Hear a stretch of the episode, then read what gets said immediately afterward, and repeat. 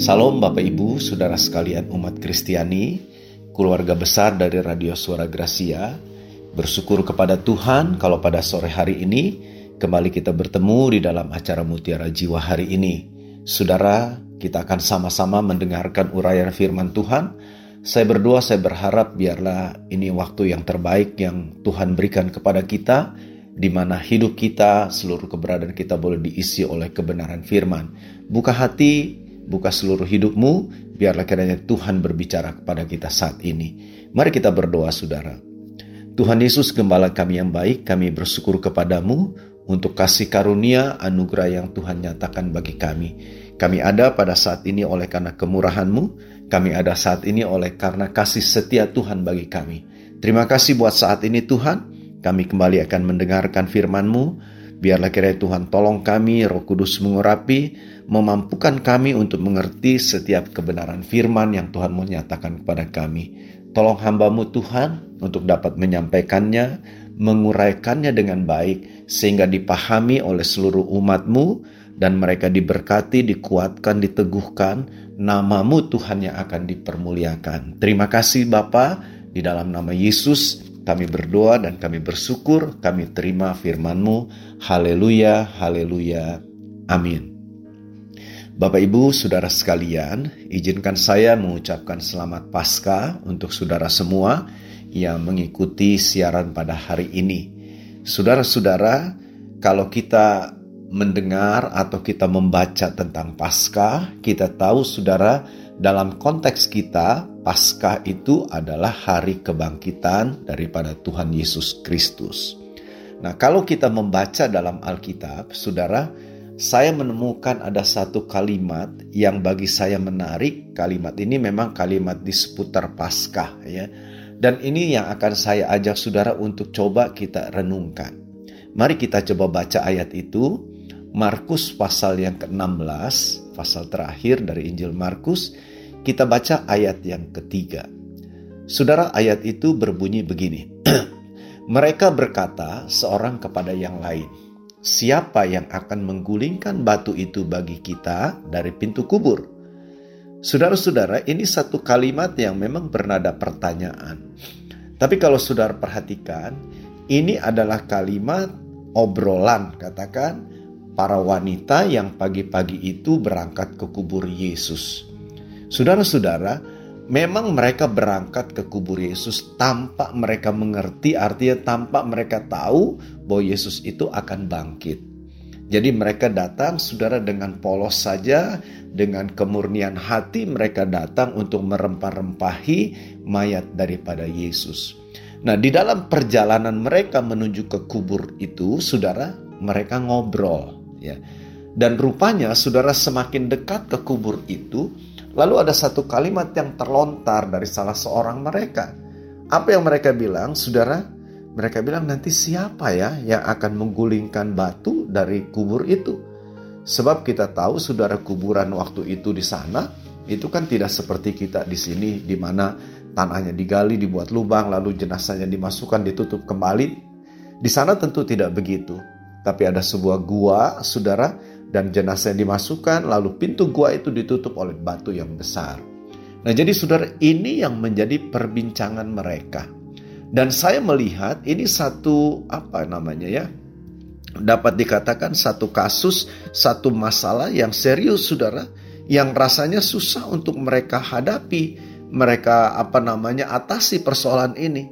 Sebab kenapa Saudara?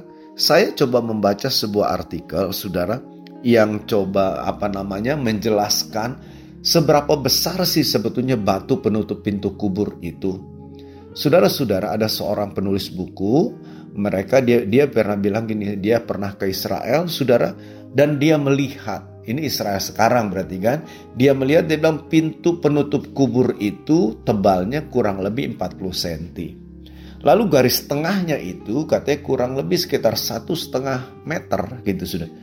Jadi saudara bayangkan ada batu yang tebalnya 40 cm, lalu garis tengahnya itu satu setengah meter atau 150 cm.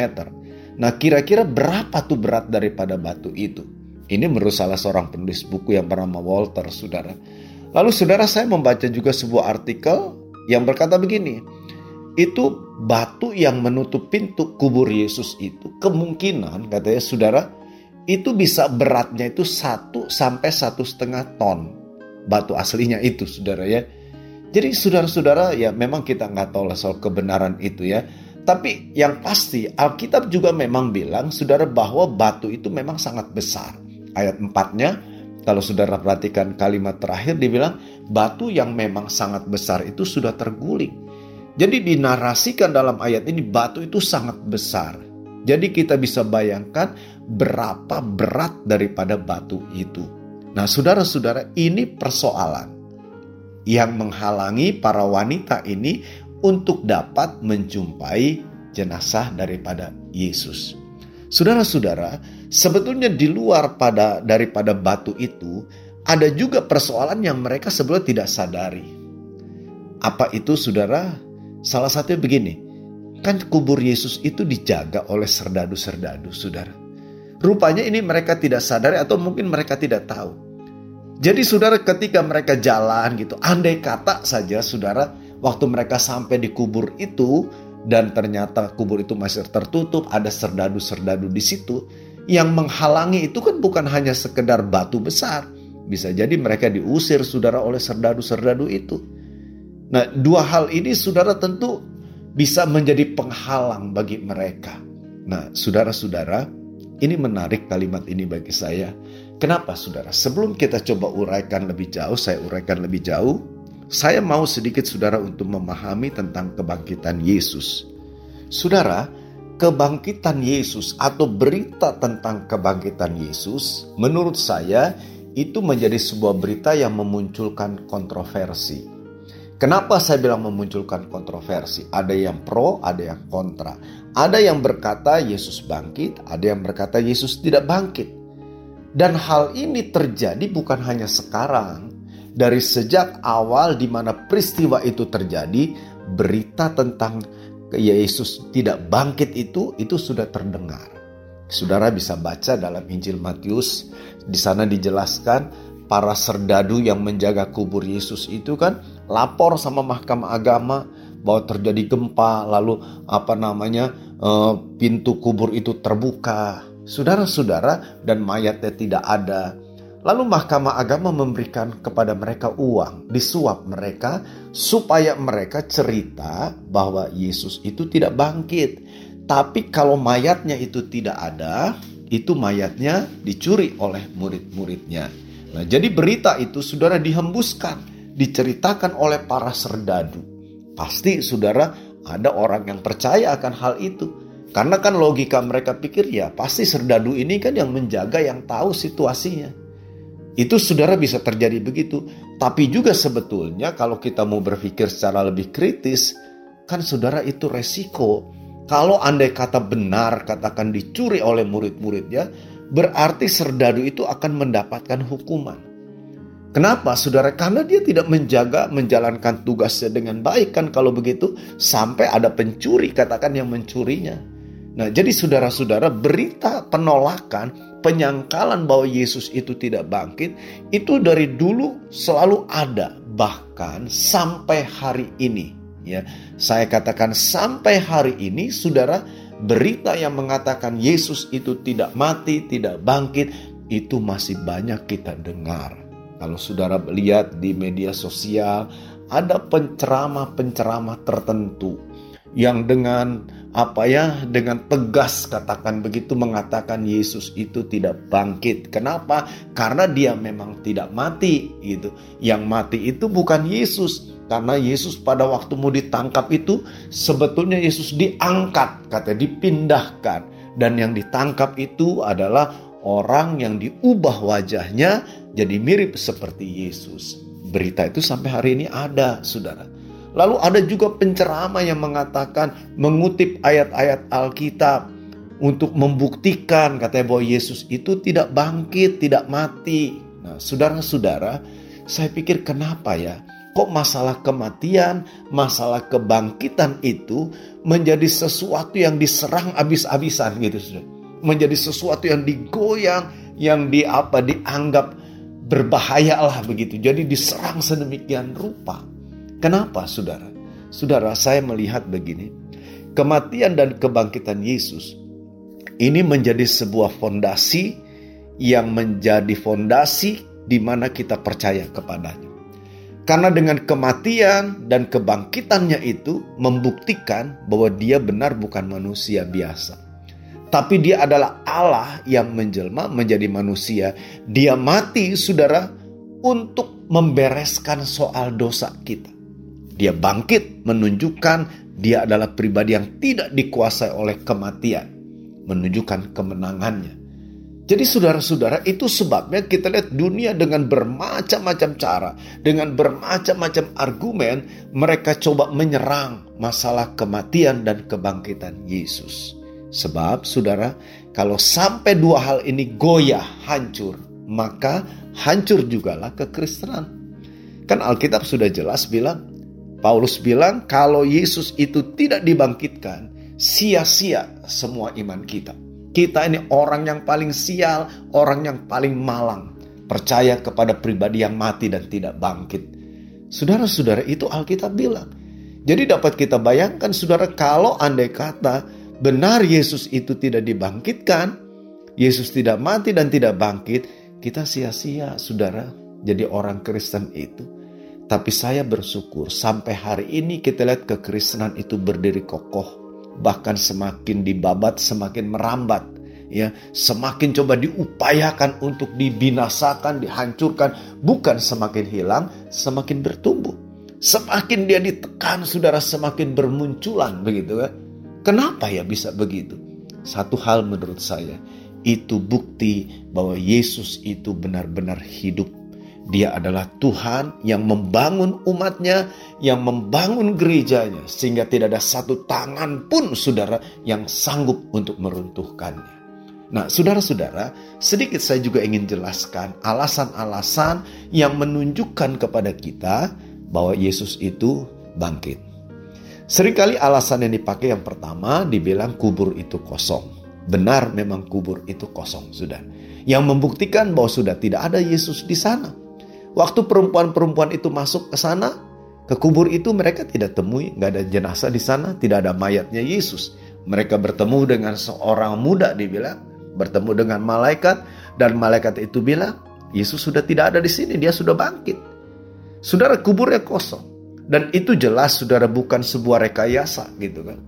Lalu yang kedua, saudara selain kubur yang kosong, kita juga tahu saudara bahwa Yesus itu menampakkan diri. Jadi saudara, Yesus bangkit, dia mati, dia bangkit, dia tidak tidak apa sembunyi-sembunyi gitu kan. Setelah dia bangkit udahlah dia nggak nggak menampakkan diri, dia sembunyi-sembunyi, lalu dia naik saja ke sorga begitu, nggak gitu.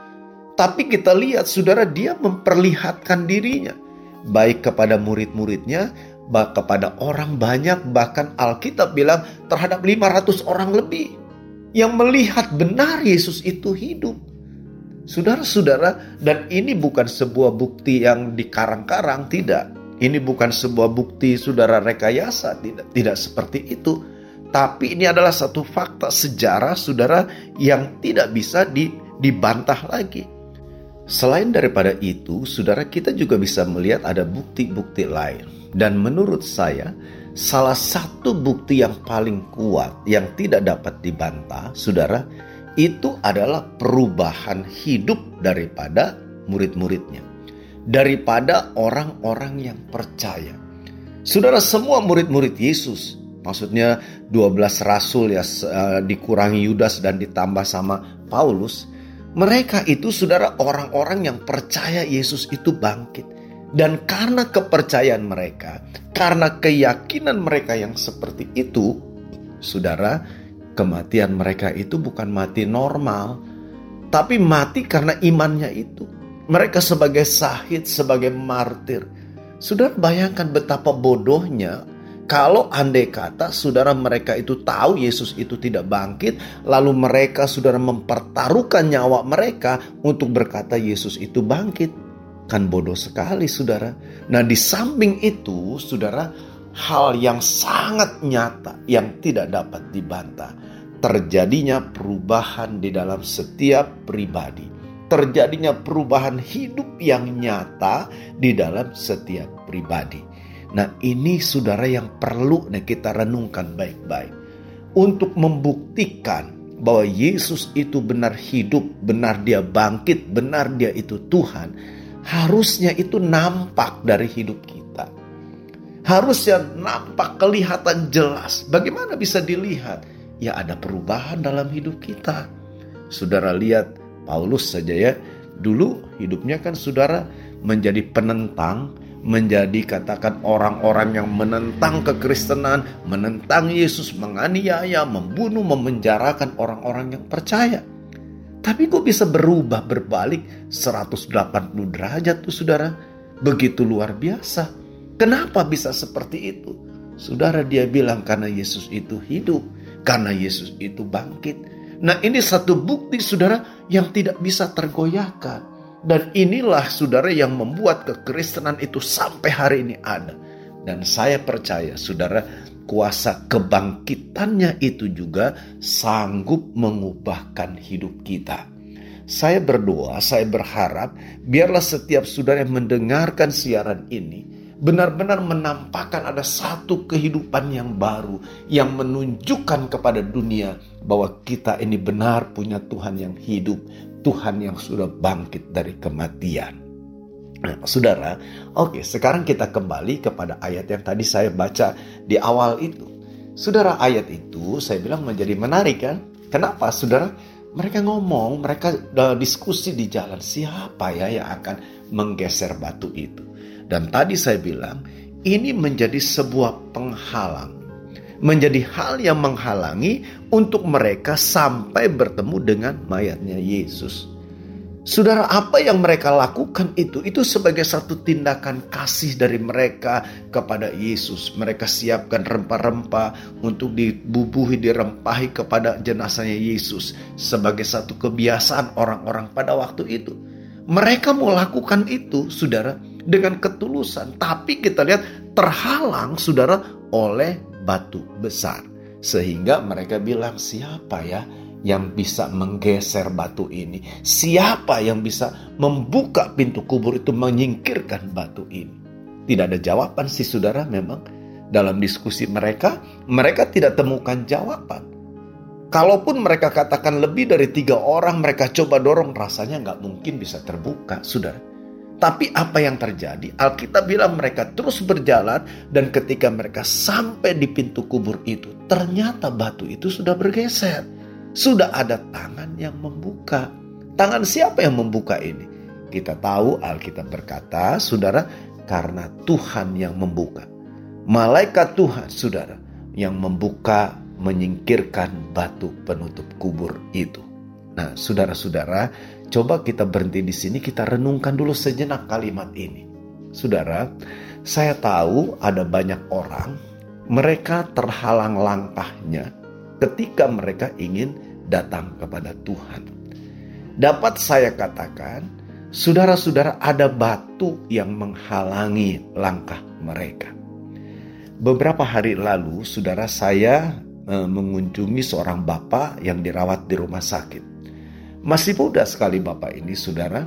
Waktu saya kunjungi saudara ngobrol, saya bilang sakit apa, dia cerita menurut analisa dokter ada gangguan di jantungnya katakan gitu saudara. Ngobrol-ngobrol saudara. Saya tahu Bapak ini dulu ya beberapa kali lah datang ke gereja, ya keluarganya yang lain, orang tuanya apa datang ke gereja, saudara, kakaknya uh, kakaknya datang ke gereja. Dia dia hilang begitu saja, anaknya masih datang ke gereja. Saudara, saya bilang begini, menurut saya, saya bilang ini adalah suara kasih Tuhan buat kamu. Ya. Kenapa om maksudnya? Lewat penyakit ini kalau kamu sungguh-sungguh mau renungkan, inilah panggilan Tuhan untuk kamu kembali. Berapa lama coba kamu sudah hilang dari Tuhan? Kamu sudah tidak peduli. Saya ngomong saudara apa adanya dengan dia. Lalu saudara dengan wajah serius dia bilang begini, Om dia bilang, sebetulnya di hati saya ini pengen om ingin datang ke gereja. Bahkan saya kadang kala hari Sabtu nih ngomong sama istri saya, istrinya ada di situ saudara. Dia bilang besok kita ke gereja ya. Kita seperti sudah sepakat mau ke gereja, tapi begitu besok bangun tidur kayaknya ada saja dia bilang. yang menghalangi itu. Saudara, saya tanya apa sih sebetulnya menghalangi kamu? Cuman karena dia waktu itu masih ada di ruangan ICU, eh bukan ICU maksudnya di IGD, saudara. Jadi kan di sebelah kanan kirinya ada pasien lain juga. Dia bilang nanti lagi alam saya cerita. Ada yang menghalangi saya. Saudara sampai saya pulang memang dia tidak cerita. Tapi dari situ saya melihat ada banyak orang yang terhalang ketika mereka saudara ingin dekat dengan Tuhan, ingin menyatakan kasihnya, penghormatannya, rasa cintanya, penyerahan dirinya. Itu banyak yang menghalangi. Apa sih saudara yang menghalangi ya? Kita tidak tahu. Saya membaca sebuah buku tafsiran saudara dari Injil Markus ini. Seorang penulis saudara dia berkata begini. Batu-batu yang menghalangi itu itu bisa ada dalam setiap kehidupan kita dewasa ini. Saudara lihat ada banyak orang saudara mereka tidak bisa memiliki satu hubungan yang begitu akrab yang begitu lebih dalam dengan Kristus. Kenapa? Karena ada yang menghalangi. Ada batu yang menghalangi. Apa itu saudara? Banyak hal. Saya cerita lagi sama saudara gini. Ada seorang jemaat saya saudara sebetulnya cukup setia. Saudara, saya tunjuk dia untuk menangani satu bidang pelayanan. Ya, saya nggak sebutlah bidangnya apa. Saya tunjuk dia, saya percayakan dia sebelumnya saya panggil, saya ngobrol, saudara saya jelaskan segala sesuatu. Oke, dia mau. Saudara-saudara lalu kita tabiskan lah gitu ya, ditabiskan, didoakan, berjalanlah waktu. Saudara nanti nih, berarti bulan Agustus satu tahun gitu ya. Tapi saudara-saudara di bulan Januari atau Februari kemarin, dia datang sama saya dia datang, dia bilang begini, Pak Gem, dia biasa panggil saya Pak Gembala, maksudnya Pak Gem, dia bilang, saya mau minta maaf, saya bilang. Saya bilang, kenapa? Rasanya tugas yang Pak Gem berikan sama saya tidak dapat saya lanjutkan. Saya cukup kaget, saudara. Kenapa bu? Ada apa? Saya bilang begitu. Dia datang sama suaminya, saudara. Masalahnya begini, dia, dia cerita, ada penyakit, saudara saya punya penyakit, dia sebutkan penyakitnya begini, begini, macam-macam lah saudara. Gejalanya tuh akan muncul begini kalau lagi katakan uh, muncul gejalanya, wah macam saya tuh udah nggak bisa menguasai diri dan sebagainya. Jadi saudara dia jelaskan itu semua. Saya simak, saya dengar saudara. Secara manusia saya bilang begini, ya oke okay lah nggak apa-apa gitu saudara ya. Saya bisa maklum, saya bisa mengerti. Apalagi suaminya juga bilang, iya Pak Gem, dia bilang, masalahnya istri saya ini, kalau itu sudah kambuh, dia bilang, wah susah deh, dia bilang, saya nggak bisa cerita, begitu. Nah, jadi saudara-saudara, singkat cerita saya pikir, saya cuma balik tanya, ibu sudah berdoa, dan Tuhan sudah izinkan ini, menurut dia sudah. Oke, kalau memang sudah berdoa, oke. Ya, tapi dia bilang ini, tapi saya akan jalankan dulu tugas saya, Pak. Dia bilang sampai nanti tanggal sekian dia sebutkan karena ada momen tertentu di tanggal itu. Ya sudah, sudah. Cuman kan saya pikir, aduh nanti bagaimana ini siapa yang akan meneruskan tugas pelayanannya ini. Saudara-saudara, lalu berjalanlah waktu gitu kan. Sampai satu hari, saudara, uh, saya panggil dia lagi. Saya panggil lalu saya ajak ngobrol dia. Saya bilang begini sama dia, ibu, saya bilang, Coba ibu renungkan ulang, pikirkan ulang keputusan yang ibu ambil ini. Apakah memang ini sudah benar kehendak Tuhan atau justru ini yang menjadi penghalang untuk ibu semakin sungguh-sungguh dengan Tuhan? Saudara dia kaget memang dengan dengan ucapan saya seperti itu. Akhirnya dia bilang, iya Pak Gam, nanti saya akan coba berdoa. Saudara-saudara, beberapa hari lalu saya kembali ngobrol dengan dia gitu kan. Saya ngobrol lagi saudara. Dia mulai terganggu rupanya dengan omongan saya terakhir itu. Dan singkat cerita akhirnya tadi malam saudara dia berkata begini iya Pak saya minta maaf. Sepertinya Tuhan tidak kehendaki untuk saya mundur Saudara-saudara, dari apa yang saya ceritakan ini saya mau katakan sama saudara begini. Seringkali saudara batu itu menghalangi kita bisa mungkin wujudnya itu dalam penyakit kita. Nah karena sakit yang ada dalam tubuh kita ini, akhirnya kita sepertinya apa ya? Aduh sudahlah kita pasrah, kita nyerah, kita lemah, kita nggak bisa, kita nggak mampu. Nah ada saudara yang seperti itu. Saudara-saudara tapi saya bersyukur ibu ini akhirnya menyadari dan akhirnya saudara kita kumpulin saudara anggota-anggota yang lain kita ngomong sama dia sudah di depan mereka semua bahwa ibu ini tetap akan pegang saudara pelayanan ini.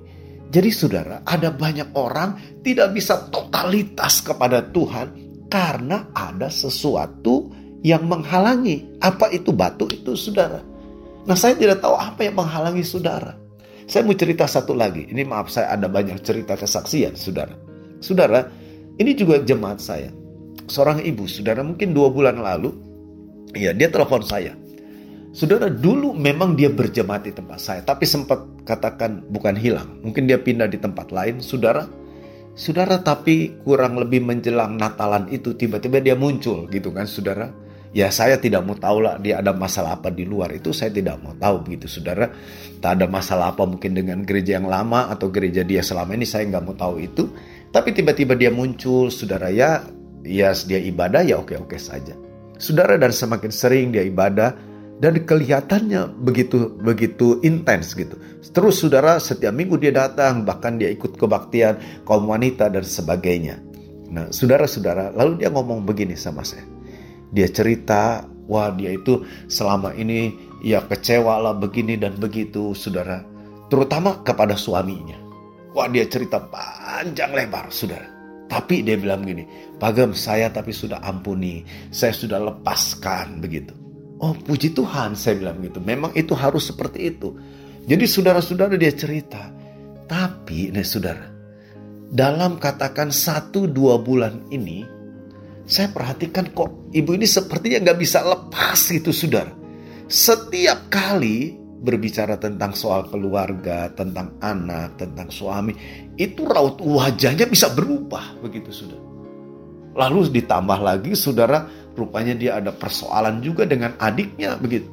Ketika bicara tentang adiknya, wah bisa berubah, intonasi suaranya bisa berubah, tapi isi kata-katanya bilang saya sudah mengampuni. Nah, Bapak Ibu, saudara sekalian, menurut saya inilah batu yang menghalangi dia tidak bisa total dengan Tuhan. Apa? Kebencian, kemarahan, kepahitan yang dipegang terus begitu, saudara.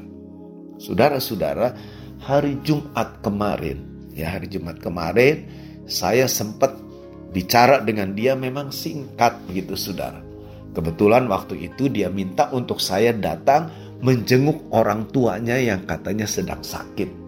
Jadi saya datang dengan beberapa jemaat lain, saudara, saya ngomong di sana kebetulan juga ada adiknya. Ya supaya saya bilang keluarga utuh, coba lepaskanlah segala kepahitan itu dibuang. Ya memang dia diam saja waktu saya ngomong seperti itu. Saudara, ada orang yang memang seperti itu. Kemarahan itu nggak selesai, saudara. Mungkin berkata mulutnya, oh udah nggak apa-apa. Tapi jujurlah saudara, ada banyak orang di mulut berkata nggak apa-apa, tapi di hatinya masih penuh dengan kemarahan, masih penuh dengan rasa benci, masih penuh dengan rasa emosi yang tidak terkendali itu. Saudara-saudara, ini akan menjadi batu yang menghalangi totalitas kita kepada Tuhan. Bahkan, saudara, seorang rekan berkata begini, ada batu-batu lain yang bisa menjadi penghalang. Apa itu? Ikatan kuasa kegelapan Saudara ada orang-orang yang mungkin tubuhnya diisi oleh jimat-jimat, oleh susuk, oleh macam-macam begitulah sudah. Dan ini saudara menjadi sesuatu yang mengikat orang itu. Saya melihat, saya jujur berkata saya tidak tidak tidak terlalu banyak melayani dalam bidang itu, saudara. Tapi saya percaya kuasa Tuhan mampu begitu, saudara. Saudara ada banyak orang terikat, susah untuk melepaskan diri dari ikatan-ikatan seperti itu mau datang ke gereja tapi di gereja seperti orang bagaimana begitu. Oh saya melihat sudah di tempat saya itu ada orang yang seperti itu. Saudara dulu rajin ke gereja lalu hilang dari gereja, lalu datang lagi ke gereja, wajahnya itu sudah kelihatan lah dari sorot matanya. Saya ingat saudara waktu di awal bulan Maret itu saudara kebetulan di tempat saya ada pendeta tamu tuh saudara dari Kupang gitu datang ke sini selesai ibadah itu saudara orang ini mau ngobrol sama pendeta itu gitu kan. Dia ngobrol saudara nggak tahu lah saya nggak ikut di dalamnya. Selesai obrolan itu saudara pendeta itu cerita gitu kan. Dan juga ada teman juga jemaat lain cerita. Pendeta itu bilang begini sama orang itu kamu itu dirasuk setan kan. Kamu itu diikat oleh setan. Kalau kamu tidak mau dilepaskan gitu, tidak mau kamu uh, kamu membiarkan diri kamu dikuasai, kamu akan hancur. Saudara-saudara, saya nggak tahu mungkin didoakan dan sebagainya begitu ya. Saat itu saya nggak ikut nimbrung di sana, sudah. Tapi yang saya lihat, saudara, minggu lalu dia datang ke gereja itu. Itu aneh, saudara. Seperti orang maaf bicara, saudara, apa ya, uh, seperti mulai mengalami gangguan jiwa begitu. Saudara-saudara, ini serius loh saya cerita. Saudara, saya tadi siang, bukan tadi siang, uh, kemarin hari Minggu, saudara, saya bicara dengan dengan kakaknya. Gitu. Saya bilang kenapa adik kamu? Wah kakaknya cerita macam-macam. Bapak Ibu saudara sekalian, inilah yang mengikat seseorang. Ada orang-orang yang diikat oleh kuasa kegelapan. Ada orang-orang yang diikat oleh kuasa-kuasa setan. Mereka terikat, mereka tidak berdaya. Mereka punya keinginan untuk kembali, tapi ada tidak ada kekuatan sepertinya untuk mereka bisa sampai kepada Yesus. Saudara, pertanyaannya, bagaimana batu itu bisa disingkirkan? Siapa yang bisa melepaskannya? Siapa yang bisa membebaskannya? Saudara-saudara, adalah iman kita kepada Yesus. Iman kita kepada Yesus, saudara, percaya kita kepada Yesus, itulah yang akan membebaskan kita. Saudara lihat kan, perempuan ini di tengah jalan ngobrol, nanti siapa yang menyingkirkan batu itu? Mereka lihat diri mereka, nggak mampu mereka. Tapi saudara lihat, mereka terus berjalan. Mereka tidak bilang, iya ya sudahlah kita pulang lagi yuk, kita pulang dulu cari teman dulu. Bawa orang lebih banyak. Atau kita minta tolong sama para pria untuk nemenin kita menggeser batu itu. Enggak, saudara. Tapi mereka melangkah saja, saudara. Mereka berjalan. Dan inilah satu pelajaran yang bagi saya satu hal yang sangat penting dari Paskah. Bagaimana kita percaya kepada Yesus yang bangkit itu dengan sepenuh hati kita. Beriman sungguh kepada dia. Dan Alkitab bilang iman kita itulah yang mengalahkan dunia ini. Iman kepada Yesus itulah yang mengalahkan dunia ini. Bukan kekuatan kita, bukan hebatnya kita, bukannya kepandaian kita, tapi iman kita kepada Kristus itu yang akan memberikan kemenangan bagi kita. Nah, jadi saudara lihat, perempuan-perempuan ini terus berjalan begitu mereka sampai di depan kubur itu. Saudara lihat, tampak mereka mengeluarkan tenaga. Ternyata batu itu sudah bergeser. Batu yang berat itu yang dibilang sangat berat itu sudah terguling dibilang Kok bisa begitu? Saudara-saudara inilah iman. Jadi mari kalau saudara ingin bebas, saudara ingin dilepaskan, saudara ingin benar-benar merdeka, memiliki satu relasi tanpa ada gangguan apa pun dengan Tuhan, saudara ingin buang itu semua. Tapi saudara bilang nggak mampu pak, saya nggak bisa pak. Sore ini saya mau katakan dengan sungguh kepada saudara. Kita memang tidak bisa, tapi ingat kita punya Tuhan yang bisa. Kita punya Tuhan yang hidup, yang berkuasa. Itulah Yesus. Kalau saja sekarang ini saudara mau mengangkat tangan kepada Tuhan dan saudara berkata, aku percaya kepadamu Tuhan, engkau sanggup membebaskanku. Aku percaya Tuhan, engkau sanggup menyingkirkan batu-batu itu dalam kehidupanku. Maka saya yakin saudara, kuasa kebangkitan Yesus itu Kuasa itu akan memerdekakan saudara, melepaskan saudara, menyingkirkan, membuang batu-batu itu sehingga kita boleh hidup dalam persekutuan yang intim dengan Tuhan dan kita benar-benar menjadi orang-orang yang dimerdekakan. Saya berharap ini memberkati saudara dan kuasa dari firman ini memerdekakan, membebaskan, melepaskan saudara semua. Tuhan Yesus berkati kita semua. Amin. Amin. Mari kita mau berdoa, saudara. Terima kasih Tuhan buat kebenaran firman-Mu yang kami dengar pada sore hari ini. Tuhan kami sadar ada banyak hal yang menjadi penghalang diri kami dengan Engkau. Kami rindu untuk lebih dekat, tapi kadangkala ada batu-batu yang menghalangi kami. Tuhan tapi firman-Mu berkata sore hari ini, kuasamu sanggup menggeser batu itu. Tolong kami Tuhan Biarlah Tuhan singkirkan batu-batu penghalang itu dari dalam kami. Entahkah itu kepahitan kami, kebencian kami, kemarahan kami.